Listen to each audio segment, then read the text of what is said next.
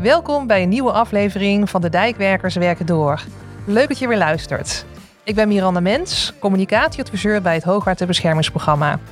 Ik vraag me af hoe het gaat met de lopende aanbestedingen in een anderhalve meter economie. Daarom bel ik met Martijn van der Broeke. Hij werkt bij waterschap Drents en Overijsselse Delta als contractmanager bij de dijkversterking Stenendijk Hasselt. Martijn, hoe gaat het nu met jouw lopende aanbesteding? Wij zitten nu in de dialoogfase van, uh, van uh, aanbesteding van de Stenendijk Hasselt. En uh, toen de corona begon, toen hadden wij eigenlijk net de selectiefase afgerond. En we hadden drie partijen geselecteerd voor de dialoogfase. En ehm, ja, toen zijn we met die drie partijen eigenlijk gaan verkennen of zij konden en wilden doorgaan met deze aanbesteding. En toen zijn wij ook intern zelf gaan kijken of wij dat konden gaan doen. Uh, of daar uh, mogelijkheden waren om toch uh, de aanbesteding in een, in een gewijzigde vorm door te laten gaan. En hoe reageerden die marktpartijen hierop? Ja, heel positief. Die, ze waren toch blij dat het door kon gaan. Ze hadden ook de, de mensen de tijd voor gereserveerd. Um, en de vorm die wij hadden gekozen, hè, de concurrentiegerichte dialoog. Daar zaten geen assessments of, of andere ingewikkelde interacties tussen mensen in. Waardoor um, ja, de overlegmomenten, die konden wij volgens mij wel uh, goed uh, um, invullen met, met uh, digitale systemen als Zoom of MS Teams of ja. Google Meet. Ja, ja, ja. En door wie heb je je laten adviseren in dit traject? Ja, we hebben een inkoopadviseur die, die was al betrokken bij het project van Best Value Group. En die hebben ook heel veel ervaring met best value contracten.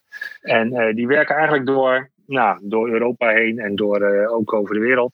Die hadden best wel veel ervaring al met videoconferencing. Dus die uh, werden eigenlijk ook helemaal niet ongerust toen, toen dit gebeurde. Die zeiden van, nou weet je, dat kun je heel goed uh, met MS Teams of met Zoom kun je daar ook invulling aan geven. En ehm, dus die is eigenlijk aan de slag gegaan om dat te gaan verkennen met de marktpartijen ook. Of zij dat ook konden en wilden en of dat allemaal werkte. En ja, toen hebben we gezamenlijk besloten om, om, om het maar te gaan proberen. Ja, dialoog. precies. Ja, ja. ja. En toen, toen ben je begonnen met die online startbijeenkomst. Hoe ging dat? Ja, dat was inderdaad in die zin wel eventjes anders dan... Uh, we hadden een kick-off gepland, een startbijeenkomst... waarbij we met name informatie wilden overdragen aan de drie partijen. En nou, dan hadden wij een fysieke bijeenkomst met drie zalen bedacht... waar we in elke zaal een thema zouden behandelen. En dan konden de partijen roleren. Dus dat hebben we nu geprobeerd uh, wel na te bootsen, alleen dan in een online variant. En dat hield er dan in dat wij um, één partij per keer hadden. En dat wij aan de voorkant een hele uitgebreide presentatie hadden voorbereid. Met ook uitgebreide toelichting onder de presentatie, um, zodat die eigenlijk zelfstandig leesbaar werd. Die hebben wij vooraf opgestuurd. Dus daar moesten wij even wat eerder uh, aan de slag en wat uitgebreider. En um, aan de hand van die presentatie hebben we vervolgens een, een online uh, videoconferencing gehad. En zijn we thematisch eigenlijk door die presentatie heen gegaan. Waarbij wij dan de marktpartij de gelegenheid hebben gegeven om uh, vragen en op- en aanmerkingen op onze PowerPoint-presentatie te geven. Ja, ja, en dat was ook tevens het eerste moment dat jullie elkaar echt zagen, hè? Ja, ja, we hadden heel even van tevoren verkend inderdaad of de, of de verbinding goed werkte en of de systemen goed werkten inderdaad. Maar als, als team zaten we voor het eerst op die manier bij elkaar. Ja, dat ja. klopt. En hoe was dat? Ja, dat was inderdaad wel even wat anders. Je moet elkaar echt uit laten praten. Je moet elkaar ook echt het woord geven. Dus het is iets uh, formeler en strakker. Maar eigenlijk ging het heel erg goed. We hebben um, alles kunnen behandelen wat we wilden behandelen. En uh, ook de partijen hebben aangegeven dat zij alles hebben kunnen vragen wat zij wilden vragen. Dus uh, we hebben dat ook nog geëvalueerd met de partijen achteraf. En die hebben eigenlijk ook aangegeven dat ze op deze manier wel uh, door wilden gaan. en dus ook de, de nadere dialoog op zo'n manier zouden willen invullen. Precies, precies. En jij deelt die mening. Jij denkt ook dat deze online manier van werken geschikt is om die dialoogfase in te gaan?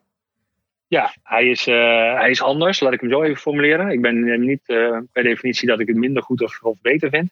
Hij is anders dan, dan de beoogde vorm.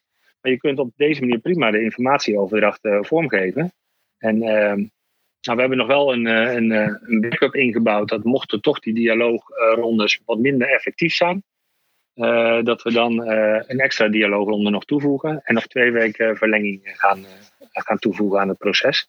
Ja, daar voelden de partijen zich eigenlijk ook voldoende verzekerd dat dit een succes ging worden. Precies, precies. Hoe gaat die online dialoogfase eruit zien? Ja, wij gebruiken of Zoom of MS Teams. Ehm, dat is een beetje afhankelijk ook van de, van de marktpartijen, wat, wat de mogelijkheden bij hun zijn. Het is namelijk wel van belang dat je een goede verbinding hebt. En we willen eigenlijk dan aan onze kant twee inhoudelijk specialisten aan tafel zetten. En aan de aannemerskant uh, hebben we hetzelfde geadviseerd, maar dat daar nog wat toehoorders bij zitten, dat uh, kunnen wij ons goed voorstellen. Maar de bedoeling is dat wij met twee mensen en zij met twee mensen ook continu elkaar zien. Dus dat je de schermen zo opbouwt dat je ook uh, het idee hebt dat je in een soort gesprek bent met elkaar. Dat iedereen continu in beeld is. En daar zal wel weer hetzelfde stukje voorbereiding bij zitten. Dus alleen dan ligt de voorbereiding aan de opdrachtnemerskant. Dus die stellen de agenda vast en de onderwerpen die ze willen bespreken. Dus die zullen ons wat uitgebreider informeren daarover. En dan kunnen wij ons ook vooraf goed voorbereiden op de antwoorden die wij zouden willen geven. Precies. De thema's die we dan hebben, is uh, één thema is het uh, project algemeen en de contractuele zaken rond de aanbesteding. Het tweede thema is dan techniek. En het derde thema is omgeving. Ja. En die hebben we nu dan gesplitst. Voorheen was dat één lange sessie van 4,5 uur. En nu zijn het drie sessies van een uur met even een, een pauze ertussen. En dan kunnen we dus ook wisselen van samenstelling in de meeting. Ja, per thema. Per thema, ja. ja, ja. Wanneer vind jij de dialoogfase een succes?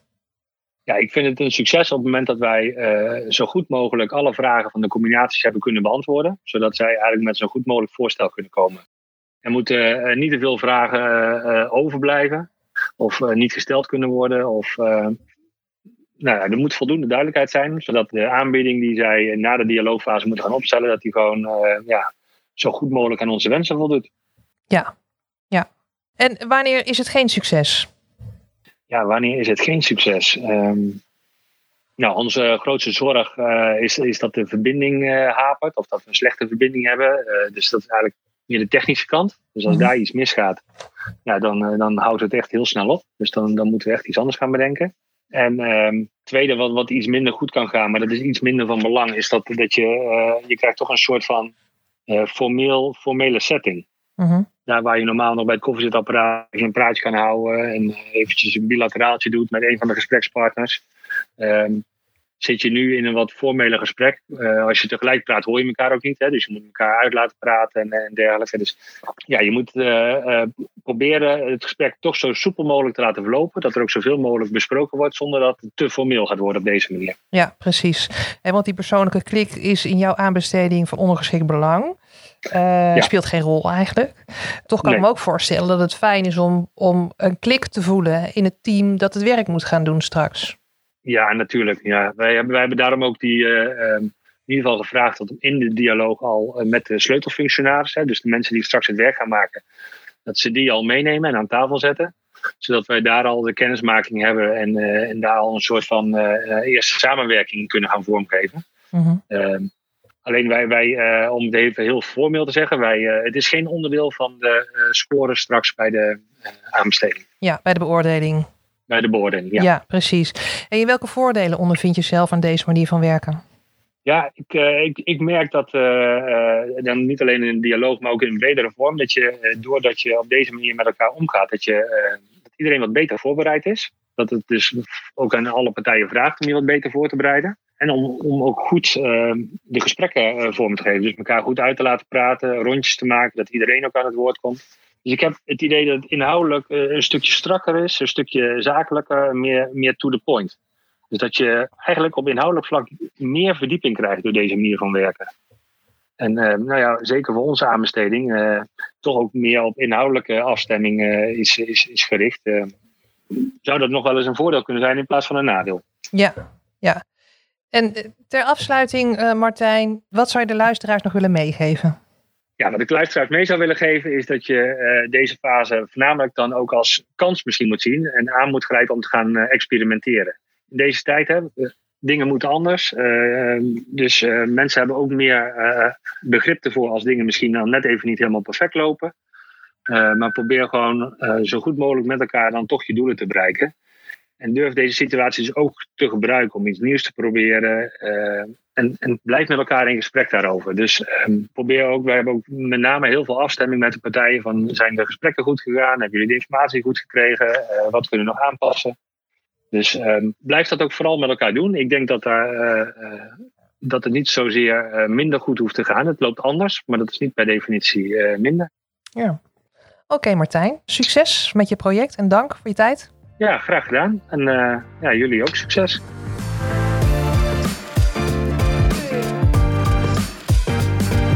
Je hoorde Martijn van der Broeke over de aanbesteding Stenendijk-Hasselt.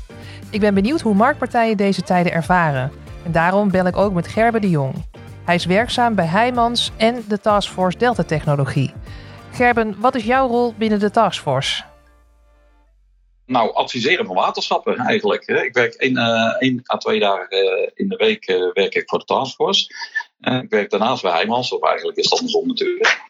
Het is een, uh, de expertise die ik eigenlijk uh, heb opgedaan in de droge infra, die probeer ik over te brengen naar de, naar de watersector. dan gaat het over contractvormen, de, waar we eigenlijk in droge infra jaren mee bezig zijn. En hoe waterschappen die, die kennis daar ook van kunnen gebruiken. Ja, en waterschappen hebben dit snel opgepikt, hè? gaf jij eerder aan. Ja, nou ja, ik, uh, u spreekt volgens mij ook uh, Martijn van den Broek. Hè. Dat vind ik een, een duidelijk voorbeeld van een voorloper hierin. dus ehm, ze werken met twee fase contracten. innovatiepartnerschap, we hebben vorige week gehoord van, van Walder Moderdijk. Ja, ze pikken het snel op en gaan er gewoon mee aan de slag. En daar, haal ik, ja, daar ben ik echt enthousiast van geraakt. -hmm. Jij bent van de droge infra overgestapt naar de natte infra. Wat zijn daarbij de grootste verschillen, vind jij? Ja, dat was voor mij wel een leuke overstap. Ik, uh, ik begin eigenlijk langzaam aan die waterveiligheid wel te snappen. Uh, met, een, met een lach zeg ik dat. Hè. De wereld van die waterschap is wel duidelijk anders. Hè. De, de, waterschappen, voor hun is het hun dijk. Het is in een omgeving waarin ze dagelijks verblijven. en bij, daar woont ook hun belastingbetaler. Die omwonenden komen ze dagelijks tegen. En dat is eigenlijk in de lijn en de objectinfra wel anders. Hè? Want daar staat de gebruikers uh, meer centraal. Hè? Ik wil dat geen waardeoordeel geven, maar het uh, belangen van stakeholders is anders. En uh, hè, waar we het net over hadden, de, hè, de verandering in, die, de, die de watermarkt doormaakt, ja, dat, dat is best spannend. Hè? Zowel voor waterschap als voor de markt. Hè? Want het vraagt, vraagt een cultuuromslag en die kost nou eenmaal tijd. Uh, het beeld waar we eigenlijk toch echt vanaf moeten, is dat ingenieursbureaus urendraaiers zijn en aannemers harkers. En we moeten veel meer elkaars kracht erin gebruiken. En bijvoorbeeld een aannemer die is altijd bezig met, met, met, met optimaliseren. Want we hebben tegenvallers, die kosten geld. Hè, en we hebben en optimalisaties, die, die, die, eh, die besparen. Hè, dus die leveren geld op. En gebruik dan eigenlijk samen die kracht om een goedkopere oplossing te bedenken. Maar ook samen uh, risico's te elimineren. En dan uiteindelijk ga je samen bepalen wat, uh, wat dat moet kosten. En Rijkswaterstaat noemt dat uh, eerlijk geld voor eerlijk werk. Mm Ja, in de marktvisie. Ja. In de marktvisie is dat opgesteld en met z'n allen ook ondertekend. Dus. Ja, ja, maar nu hebben we corona. Wat betekent dat voor de marktpartijen? Ja, nou, we zijn de passende PFAS nog aan het verwerken. Kijk, we draaien eigenlijk best wel kleine marges. Hè? Zo is ons businessmodel eenmaal. Dus, uh, dus als eigenlijk vaste lasten die blijven doorlopen. Dus we komen redelijk snel dan in de problemen. Het grootste belang is dat eigenlijk uh, de markt door blijft draaien. Dat vraagt nu echt extra aandacht. Ja. Vorige week hoorde ik Waldo erover spreken. Uh, dus met zijn tender van de sterke lekdijken. Eigenlijk wil hij schunningscriteria aanpassen, maar dat mag niet volgens de huidige aanbestedingsregels. Ja. Ik vind dat we hier wel echt een, een open gesprek over moeten blijven voeren met elkaar. En we moeten echt anders met elkaar omgaan. Ja, ik merk ook dat bij, bij de adviezen die ik heb gegeven, de ervaring uit de droge infra heb ingebracht, dat waterschappen deze wel snel overnemen. En er niet te veel regels omheen bedenken. Want zodra je veel regels maakt, dan heb je er ook wel weer last van met elkaar. Want rechtszaken gaan vaak over de regels die zijn bedacht. Ja, ja en die, die lagere regeldruk zou nu ten tijde van corona ook net even dat beetje extra ruimte kunnen geven. Ja, ja. Ja, en ja. dan ben ik ook wel voorstander van, uh, van de zachtere criteria dan alleen prijs. Om die in de beoordeling mee te nemen. Om die in de beoordeling mee te nemen. En dat gebeurt al, hè? Dat uh-huh. gebeurt al. Kijk, waterschappen selecteren steeds meer teams op basis van uh, het team van sleutelfunctionarissen. zij vinden het belangrijk met wie ze, met wie ze straks te doen hebben. Uh-huh. Ja, en daar geven ze cijfers voor. Dat klinkt misschien subjectief, maar het gebeurt wel op basis van objectieve criteria. En als markt accepteren we dat we soms een 6 scoren en soms een 8 of een 10. we merken ook wel dat als we werken verliezen op basis van meer subjectieve criteria, dat dat wel zuur is. Maar uiteindelijk willen we dit wel met z'n allen. want als een klant zegt dat hij het met dat team wil, uh, wil doen, dan heeft dat team hem ook het beste overtuigd. Mm En het meer laten meewegen van die zachte kant in aanbestedingen. Hè? Um, waarom moet je dit nou echt willen als markt eigenlijk? Nou, ja, omdat het vaak om samenwerking draait en om vertrouwen. Als je samenwerking belangrijk vindt, dan moet er ook een klik zijn. Als markt moet je laten zien dat je, dat, je, dat je je klant en het project hebt kunnen doorgronden.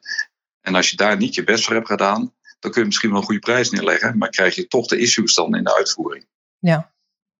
En wat is het effect wat je nou ziet van corona bij, uh, bij de marktpartijen? Nou, als eerste dat, uh, dat het werk er al eigenlijk al behoorlijk anders uitziet. op afstand uh, werken is veel meer mogelijk als dat wij tot nu toe gebruikelijk vonden. Het positieve is dat we ook wel creatief worden. Vorige week had, had ik nog collega's van me die een dialoog met de klant voerden door met de camera op de bouwlocatie te gaan staan. Dat je eigenlijk een dialoog en een site visit samen met de klant had. Creatief? Ja, ja was, was leuk. Hè?